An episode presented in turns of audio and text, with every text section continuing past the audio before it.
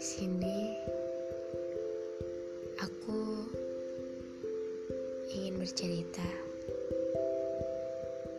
bagaimana pandanganku, pendapatku, dan bagaimana aku menilai sesuatu.